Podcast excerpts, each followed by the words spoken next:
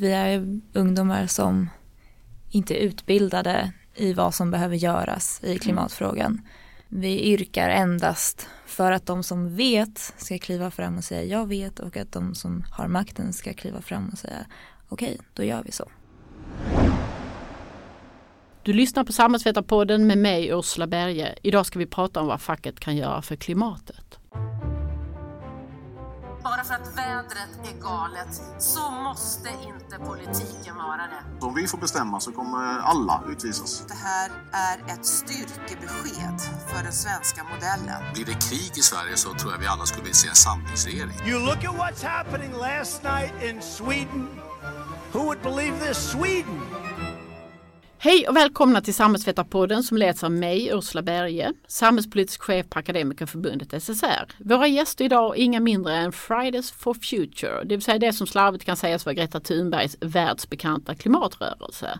Med oss har vi Edith Lidberg och Eira Fröling från rörelsen samt förbundets förhandlingschef Marcus Furuberg. Välkomna alla tre! Tack! Tack. Tackar så mycket! Skolstrejken började i augusti förra året genom att Greta Thunberg satte sig ner alla fredagar utanför riksdagshuset med sin världskända skylt Skolstrejk för klimatet. När anslöt ni er till rörelsen Edith Eira? Första veckan, eh, bland de första dagarna. Precis, så Greta hade suttit där i ungefär en, två, tre dagar när vi kom. Mm. Wow, ni tickade igång direkt. Berätta vad ni kände när ni såg henne första gången. Eh, ja, jag tror jag såg henne både i tidningen och på sociala medier direkt. Ehm, och jag har länge känt mig orolig för klimatkrisen. Eh, men jag har inte riktigt sett vad man kan göra. Jag tror jag gick med i Naturskyddsföreningen men det var ju bara att trycka på en knapp och så hände det inte så mycket mer. Så när jag såg att någon hade satt sig ner eh, utanför riksdagshuset till och med så kände jag att ja, där kör jag på också. Ja, men jag hade ungefär samma historia bakom mig. Att jag, jag hade läst om klimatförändringar lite grann. Men jag, det kändes inte riktigt som att det gjordes tillräckligt mycket. Det, det som belystes var alltid för lite. Så när det väl hände någonting konkret så tänkte jag att det här är en, en bra möjlighet. Mm. Men kände ni att ni var inbjudna? Att det var starten på någonting? Eller kände ni att där satt Greta med sin skylt? Jag vet inte, jag reflekterade inte så mycket över det. Jag alltså, ja, jag var lite orolig över att hon skulle vilja sitta ensam. För att det, skulle, för att det var hennes grej. Men jag, det, det var också, hon satt där med en skylt och hade liksom, först när man kom då hade hon en hög papper som man kunde ta för att läsa om lite om klimatet. Så det var väldigt mycket en inbjudande form av aktivism. Mm. Och sen när man väl kom dit var det ganska uppenbart att man fick vara där och sitta där. Mm. Mm. Och vad kände du Eira? Ja men det Man kände att det var väldigt inkluderande direkt. Och dessutom så äh, hon ville ju uppmärksamma. Och ju fler som är där äh, desto större uppmärksamhet får det. Mm. Och hur fixar ni det? Greta hade någon individuell studiegång på sin, i sin nionde klass. Hur fixade ni det rent eh, skolmässigt? Får man fråga det? uh, ja, jag gick till rektorn och sa jag kommer inte på tre veckor. Och han såg lite besviken ut men han sa okej. Okay. eh, för jag gick på gymnasiet då. Så jag förlorade mitt CSN för den månaden. Och, men sen så satt jag där. Så det var inte mer än så. Nej. Mm. Jag fick lite ogiltig frånvaro. Men eh, sen var det inte så mycket mer med det. Mm. Många var faktiskt ganska stöttande. För att de vet hur viktigt det är någonstans. Mm. Och sedan augusti har i stort sett allt hänt känns det som. Så här ett knappt år senare, hade ni trott på det här genomslaget? Nej. uh, vi, först var det ju bara fram till uh, det svenska valet. Och vi var ju rädda att det skulle ta slut efteråt. Vi pratade faktiskt om att vi ville att det skulle bli mer av en folkrörelse. Precis. Mm. För det är så ofta man ser demonstrationer som bara är kanske en dag och sen så händer det inte så mycket mer. Men eh, man var ju frustrerad och det var därför man kom dit. Ja, och det som var bra med skolstrejken var att alla där var ganska likasinnade på många sätt i sin frustration kring hållbarhetskrisen. Och alla där var väldigt taggade på att det skulle gå längre än bara tre Mm. veckor fram till valet. Och det gav också möjligheten för en En att fortsätta vidare. Och sen så har man ju sett att det var ju fler som var frustrerade över hela världen. Ehm, ja, så Ja det kan man väl lugnt säga att eh, det var så. Men eh, hur kände ni att ni påverkar själva valet? För man kan ju säga att ni har egentligen påverkat, eller egentligen ni har ju fantastiskt mycket mer påverkat allting annat än det svenska riksdagsvalet. Ja, jag tycker det var ganska, tycker det var ganska dåligt gensvar från politikerna. Eh, Jag tycker att många delar av samhället har förändrats. Privatpersoners attityd har förändrats och även företags till viss dels attityd har förändrats. Men politikerna efter strejkarna. Men politiker tycker jag fortfarande inte alls gör vad som krävs. nej, det blev väl lite mer uppmärksammat inför EU-valet. Ehm, men egentligen inte tillräckligt. Det blev ju, det, det gröna blocket blev ju större men det behöver bli mycket större. Ja, men jag tycker att det är, folk pratar mer om det och jag tycker att politiker pratar mer om det. Och alla valaffischer inför EU-valet, han, nästan alla handlade om klimatet. Men sen var det återigen inte så många som verkligen gjorde så mycket och Mm. jag har inte hört någonting nu efter EU-valet att det har kommit några revolutionerande Nej. lagförändringar heller. Nej, de har väl knappt åkt dit än känns det Nej. som. Eh, Som vuxen och jag råkar också ha skolbarn så slås man ju av det geniala i hela er rörelse. Att för alla vi vuxna som har barn i skolan, vi vill helst att våra barn ska gå i skolan för att säkra en bra framtid. Det är en sån där fyrkantig föreställning om framtiden för ens barn. Ja.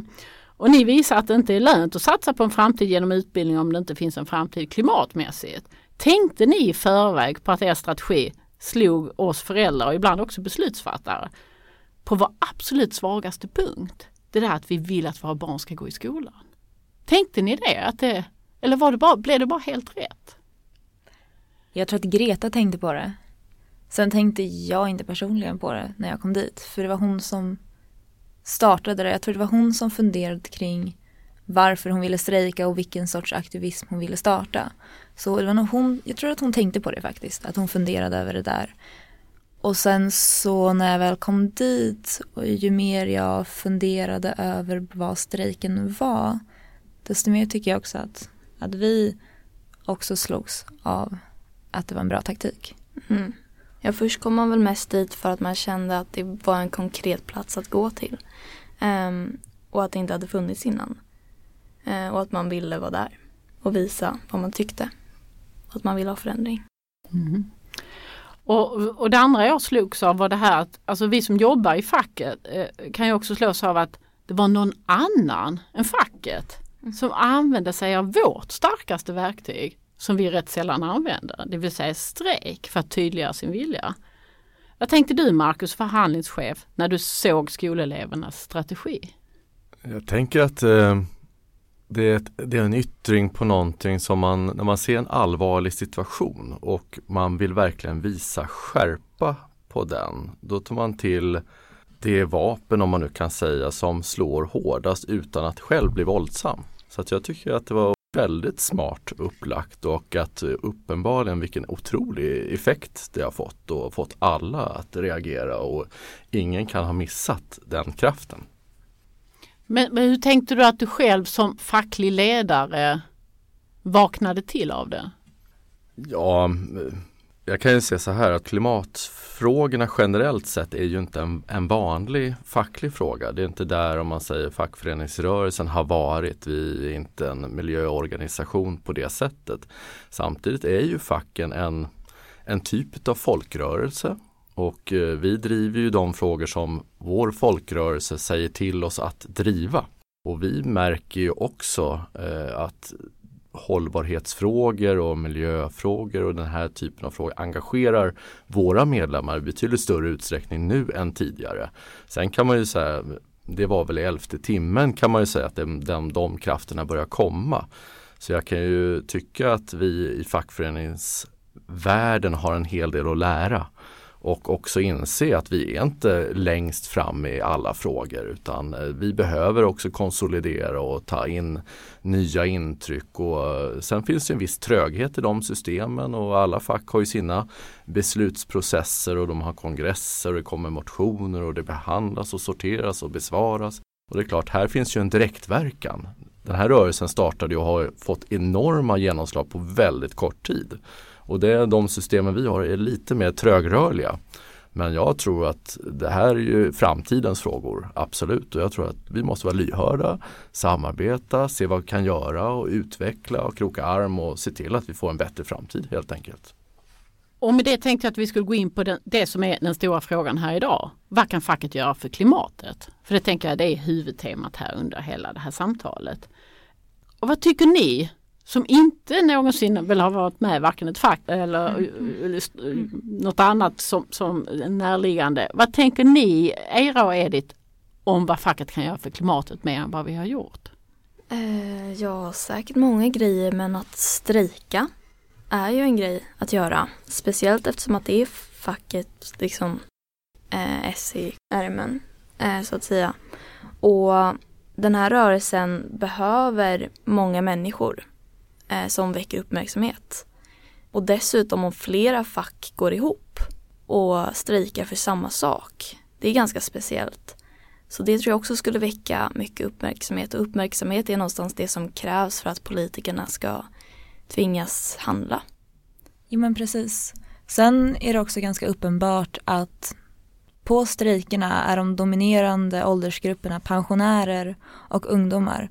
Så de som strejkar från skolan och de som strejkar från eh, pensionärslivet. Mm.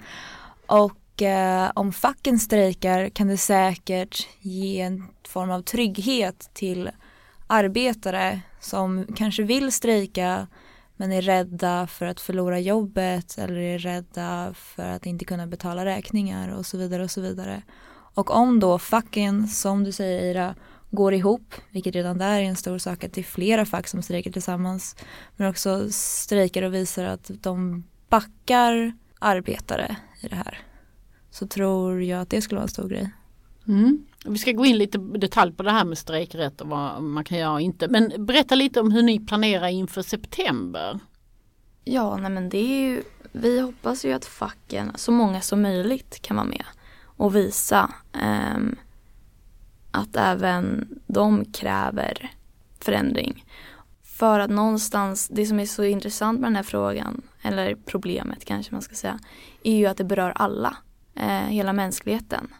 Men framförallt eh, jobb och, och, och, liknande. För det klimatkrisen oundvikligen kommer medföra är ju ekonomiska förändringar. Och det kan ju påverka jobb, kanske till och med göra att vissa jobb försvinner. Och då behöver facken någonstans, eller det är bra om, om de kan kräva samma sak av politikerna för att den omställningen ska gå smidigt och att folk inte ska bli arbetslösa och liknande. Mm. Det finns en slogan i den internationella fackföreningsrörelsen som på svenska är ungefär det finns inga jobb på en död planet. Mm. Det är ungefär det va? Ja, det är ju det. Det är precis så. Ja.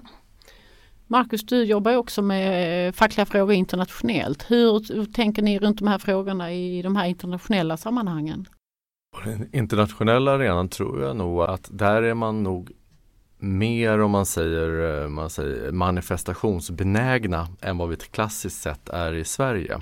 Och där tycker jag att det har varit mer, eh, mer, man har varit mer alert och fångat upp debatten tydligare än vad vi kanske har gjort i Sverige faktiskt. Och det kanske kan bero på lite grann om man säger den svenska modellen och eh, kontra den europeiska modellen där kanske facken inte på europeisk nivå har samma partställning.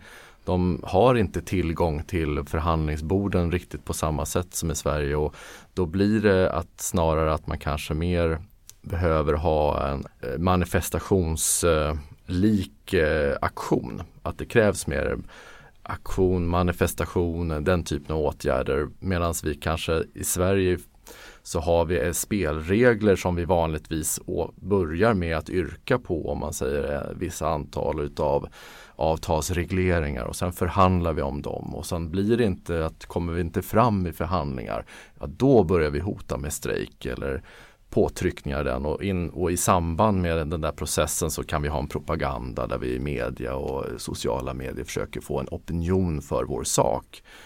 Och då kommer det till den där avtalsyrkandet.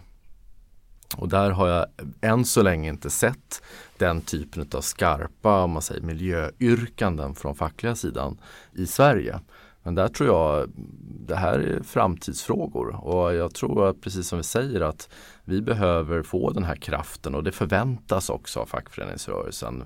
Vi vill ju, om man säger att alla som är på arbetsmarknaden ska vara organiserade och möter man inte upp den frågan då kommer man ju välja att inte organisera sig. Det vet vi redan nu att organisationsgraden bland yngre generationer är inte lika tydlig som hos äldre. Och ska fackföreningsrörelsen vara attraktiv, då måste man känna att vi driver rätt frågor. Om vi ska komma in på strejkrätten så är det så här, normalt sett strejkar ju vi i Sverige för att vi vill ha någonting i våra avtal. Högre lön eller bättre villkor eller på annat sätt. Och då strejkar vi enligt, kan vi säga, om vi enkelt beskrivit enligt en regelbok. Vi gör på ett visst sätt. Vi strejkar inte vilt kan man säga. Vi går inte bara ut och strejkar. Och, och det här är en ordning vi har haft väldigt länge. Jag vet eh, liksom Alltså det, det sker inte så mycket vilda strejker i Sverige. Vi har lite tråkig ordning och reda i Sverige kan man väl säga. Men det har också lett till att vi har ganska mycket inflytande. Så nu, nu går ju Fridays for Future ut och säger att, att det borde vara en generalstrejk 27 september. Och då sitter vi med vår regelbok och våra lagar och man kan inte bara gå från jobbet hur som helst. Men vad kan vi göra till 27 september? Ja, eh, lite utveckling där tänkte jag. Eh, vi sitter ju, om, alltså vanligtvis så brukar ju om man säger facken när man strejkar, ja, då är det hårda, om man säger hårda värden och då menar jag hårda värden, vad är det då för någonting? Ja, då är det oftast plånbokfrågor för den enskilda medlemmen. Det är högre lön eller mer semester eller annan arbetstid. Skulle det kunna röra en sån här fråga lika gärna? Ja, det skulle det absolut kunna göra. Men då behöver det vara i yrkanden gentemot arbetsgivaren i den delen delen och då i samband med en avtalsreglering, avtalsrörelse och då brukar man säga när finns det fönstret? Ja det är när man är i avtalslöst tillstånd. Och här i Sverige nu så om man så löper de flesta kollektivavtal, nästa stora avtalsrörelse det kommer vara inte nu till under hösten utan till eh, kommande vår. Så eh, någonstans eh, april, maj, där är det fönstret för om man säger avtalsförhandlingarna och då brukar man i samband med den brukar man kunna landa i en, i en strejk på det sättet. Sen eh, så att vi som eget förbund kan säga vi är bundna av fredsplikt eh, gentemot eh, de kollektivavtal vi är täckta utav. Sen kan man säga, skulle vi ändå kunna gå ut och strejka i det här läget? Ja, då skulle vi inte kunna rikta den strejken mot våra arbetsgivare. Utan då är det ju mot, mot samhället i stort och då blir det ju som en, eh, en manifestation likt den delen och det är en politisk strejk då. Eh, och det, rent teoretiskt så det skulle vara fullt möjligt att göra den och det finns även med den nya strejkrättsutredningen så finns en sån öppning att det, det är möjligt att det skulle kunna vara så. Eh, sen finns det regelverk även kring hur en sån får vara och hur att inte man säger eh, riskerar då medlemmarna som deltar den typens anställning eller att man för det för riskerar att bryta mot den fredsplikt vi har. Och det är väl där de här reglerna kommer in och begränsar möjligheten för att gå ut och strejka.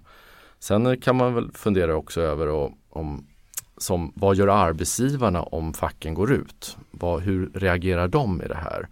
Och då kan det bli en sånt rättsligt efterspel kring en, en sån situation och det är väl där fönstret ligger någonstans som man säger. Mm.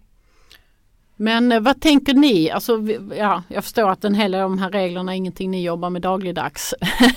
Men vad tänker ni att, uh, att facket, vad skulle vara i alla fall uh, good enough att vi skulle kunna lyckas göra till en 27 fast i det regelverk vi är i? Uh, vad tänker ni?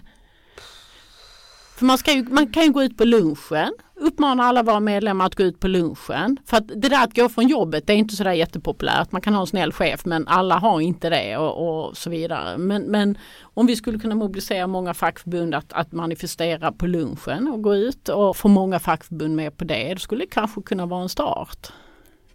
Absolut. Att gå ut på lunchen låter som en bra första idé. Sen så ser vi ju helst då att alla strejkar från arbetet men vi kan ändå ha förståelse för att det kan vara väldigt svårt ifall man har en arbetsgivare som inte tar lätt på det och på något sätt som du, jag tror jag uppfattar ungefär vad du sa att det blir någon form av rättslig process efteråt vilket uppenbarligen kan vara väldigt obehagligt för gemene människa. Ja, mm. ja men sen är det ändå i förlängningen kommer alltid kommer det förmodligen finnas regler som hindrar en från att strejka för klimatet potentiellt. Jag menar även du fick ditt CSN indraget och det, det, man, måste, man går ju motströms i den här rörelsen. Men det är tillräckligt viktigt för att man ska ändå våga göra det, mm. tycker och det, vi. Och det finns ju, precis som Marcus nämnde, så har vi en ny eh, strejkrätt som, som har, har föreslagits av regeringen. Och där står det uttalat att man kan göra politiska stridsåtgärder. När skedde det senast i Sverige? Var det Ådalen 1931 eller något liknande? Ja, nu eh, var jag lite oförberedd på den frågan kanske. Men eh, ja, i någon större bemärkelse kanske. Men det finns säkert de som säger att nej men vi har minsann haft den. Mm, det är lite brasklappar här.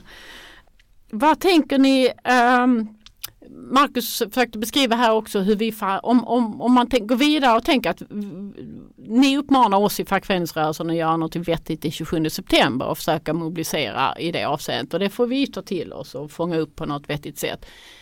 Men om man tänker så här, Eh, Marcus nämnde det här med avtalsrörelse och vad vi som fack skulle kunna kräva att våra arbetsgivare tänker på och gör bättre. Hur har ni tänkt i de frågorna? Vad borde arbetsgivarna göra som vi ska trycka på för? Ja, det, dels kan man alltid kräva kanske av politiker någon slags regelverk för vad man får göra eh, som är hållbart för att minska eh, konkurrensproblem så att folk har samma mall. Eh, och dessutom kanske även kräva subventioner för att kunna ställa om eftersom att det kan vara dyrt. Och man kan egentligen se det som en investering eftersom att någonstans måste vi ställa om. Och dessutom ändra i ja men, hur arbetsförhållandena ser ut. Kanske inte ta flyget på på företagsresor. Eh, se hur produktionen ser ut eller överlag räkna ihop vad är det för utsläpp. Eh, vad är det för olika delar. Hur gör vi bäst för att kunna ställa om helt enkelt.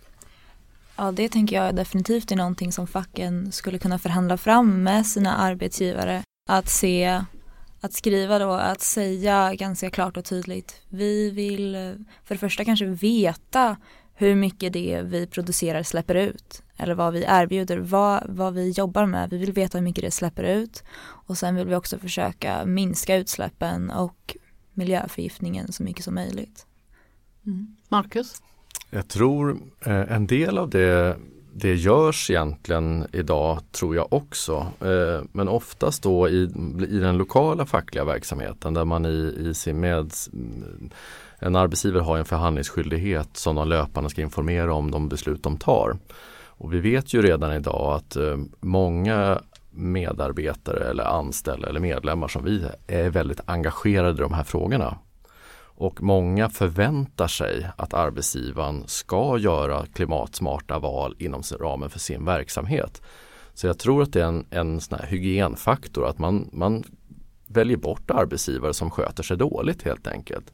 Så jag tror att eh, det finns en hel del inom hållbarhetsrörelsen som både har ett socialt ansvarstagande men även miljömässigt ansvarstagande. Där man då tar fram, om man säger ganska långtgående policies på eh, till exempel när det gäller resepolicies eller hur man jobbar klimatsmart inom den verksamhet man bedriver. Och där är ju facken med givetvis och liksom diskuterar och kunna yrka och föra fram och ens synpunkter som de medlemmarna som finns på den arbetsplatsen har och kunna jobba tillsammans med arbetsgivaren med de här frågorna. Så där är det vanligtvis så att det, det är en, en medbestämmande fråga med på den lokala organisationen. Och där kan ju också politisk strejk vara en så bra verktyg. För att på ett sätt kan det vara en lokalbestämmande fråga och sen det som företag inte riktigt har möjlighet kanske att åstadkomma utan regelverk från regeringen. Där i, i åtgärder för det kan man gå ut i då politisk strejk. Mm. Och sen i Kanada har de något som heter gröna klausuler. Det betyder att man skriver in i sådana här centrala avtal som alla ska följa. Vissa saker som handlar om klimatet. Hur långt fram är vi där? Ja, vi har börjat titta på begreppet och inspirerats av Kanada tidigare till exempel eh, i samband med metoo-rörelsen. som man tittar på hur jobbar man med om man säger, sexuella trakasserier inom ramen för en organisation. Och där har ju Kanada skarpare kollektivavtal och skrivit det inom ramen för deras vanliga kollektivavtal. Och det har vi vanligtvis inte gjort i Sverige utan där har vi lagar som tar den delen istället.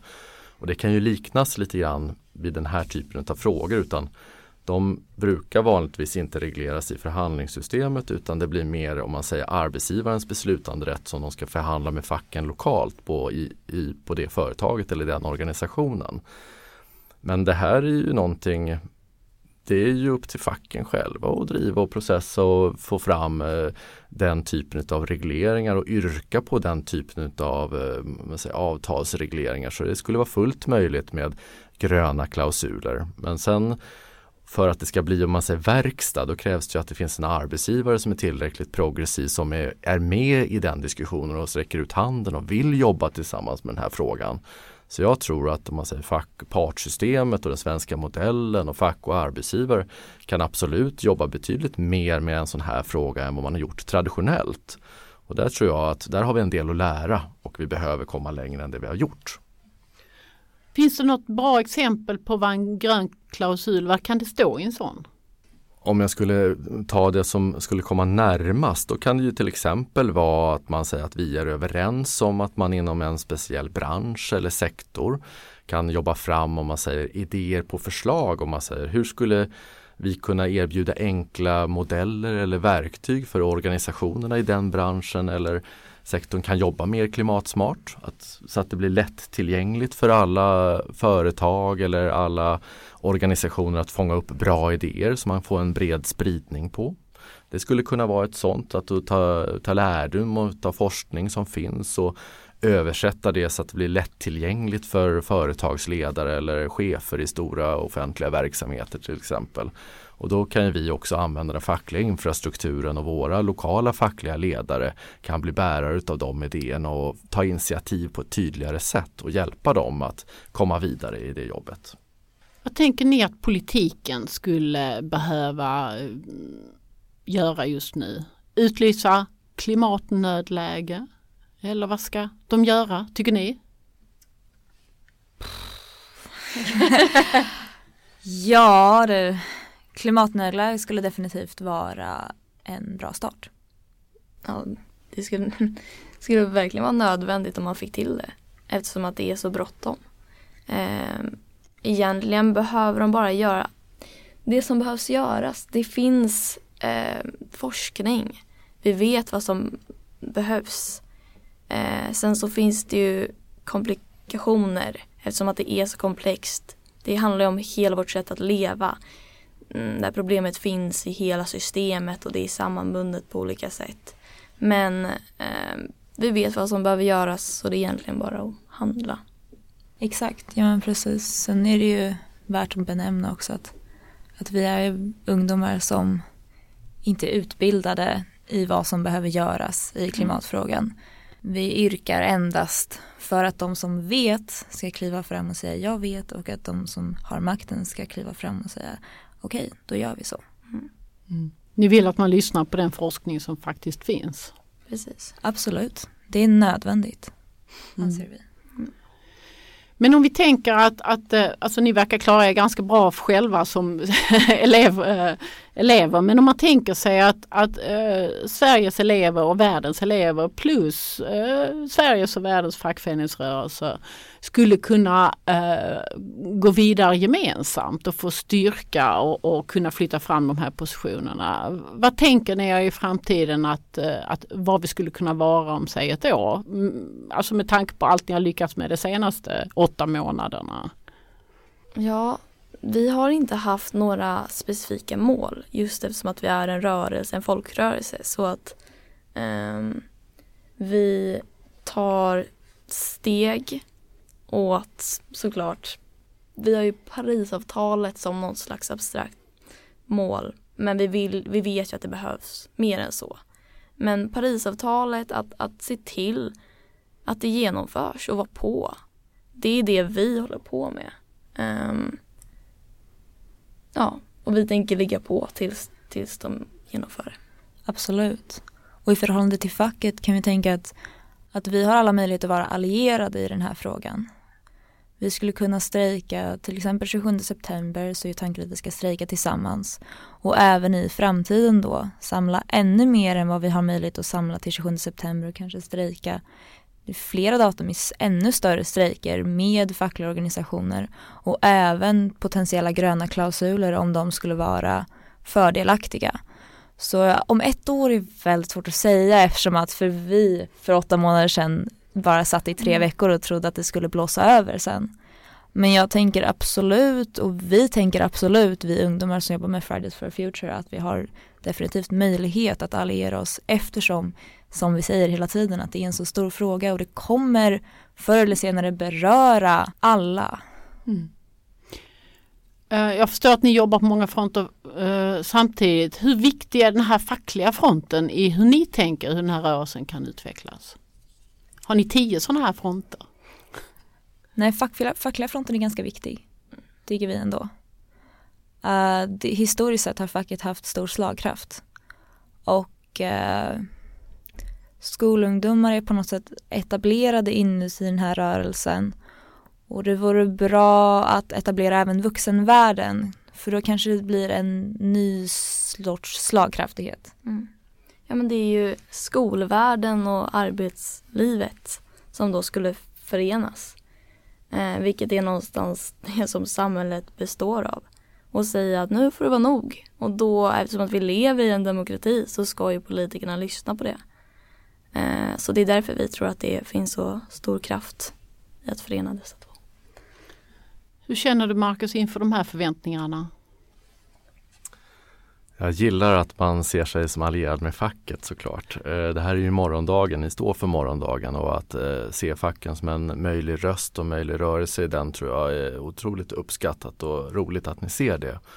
Och eh, jag tror att precis som ni har betonat flera gånger att ni är en folkrörelse och ni kommer vara morgondagens arbetstagare. Ni kommer delta i arbetslivet i de organisationer och det är klart, ställer inte om man säger organisationerna upp på dem den här, det här tåget om man nu ska se det så, då kommer ju de att välja bort. Så att liksom för facken så handlar det om att vara lyhörda mot kommande medlemmar vara lyhörda mot den samhällsströmning som finns här och även mot arbetsgivarna kan jag säga. Vill, vill arbetsgivare fortsätta att vara attraktiva arbetsgivare, ja men då måste de kanske börja lyssna på de här frågorna och börja jobba på ett klimatsmart sätt. Därför det kommer, annars kommer man att välja bort att jobba någon annanstans istället. Så att vi som fack tror jag absolut har mycket att lära och, och ser fram emot fortsatt dialog i de här frågorna.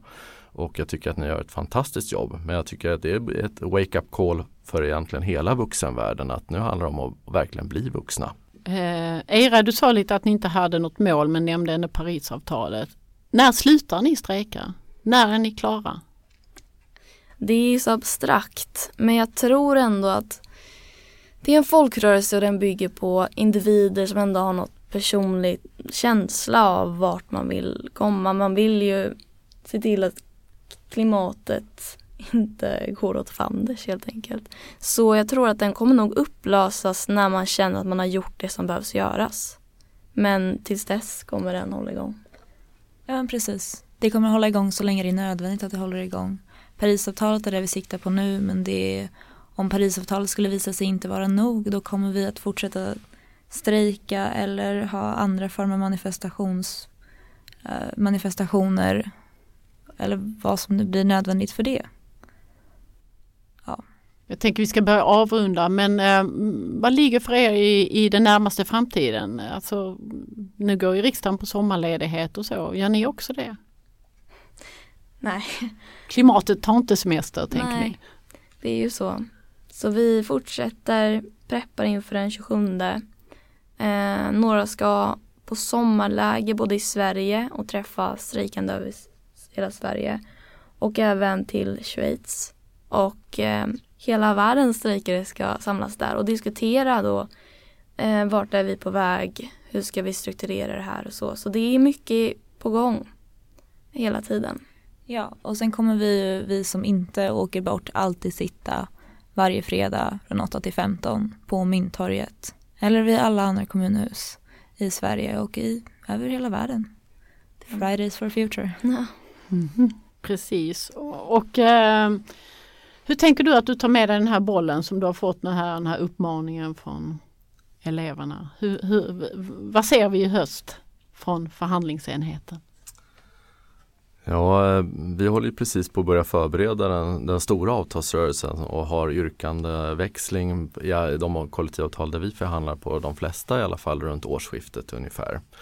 Och eh, vi har ju redan fått signaler från våra förtroendeled att det finns flera som, som har tankar på de här områdena. Men sen är det ju, vi är ju en demokratisk organisation och vi kan ju inte hitta på vad själv vi ska driva för någonting utan det är våra medlemmar och våra förtroendevalda som ska mejsla ut det där. Men jag ser precis som ni har pekat på att det här är morgondagens frågor och det, det krävs en annan lyhördhet än vad vi kanske har sett hittills. Och det är snabbt. Och vi lovar att fundera på vad vi kan göra, hur långt vi kan gå ja, den 27 september och Absolut. efter det. Är det något vi har glömt att prata om Edith och Eira? Eller? Eh, nej, bara att eh, när man väl kommer till strejken, jag säger när, den 27 september så är det bra att tänka på att inte, ha, att inte vara för partipolitisk för det är någonting vi verkligen försöker med att det inte ha partipolitiska symboler eller loggor. Mm. Så det är bara det. Tack för allt ni gör för oss andra i klimatkampen och tack för att ni kom. Tack. Tack för att vi fick komma. Och tack Marcus. Tackar så mycket. Det var allt från Samhällsvetarpodden den här veckan. Samhällsvetarpodden görs varannan vecka och fångar upp stora samhällspolitiska frågor helst med facklig twist. Prenumerera gärna på oss på de ställen där du brukar hitta dina podcasts. Samhällsvetarpodden görs av Akademikerförbundet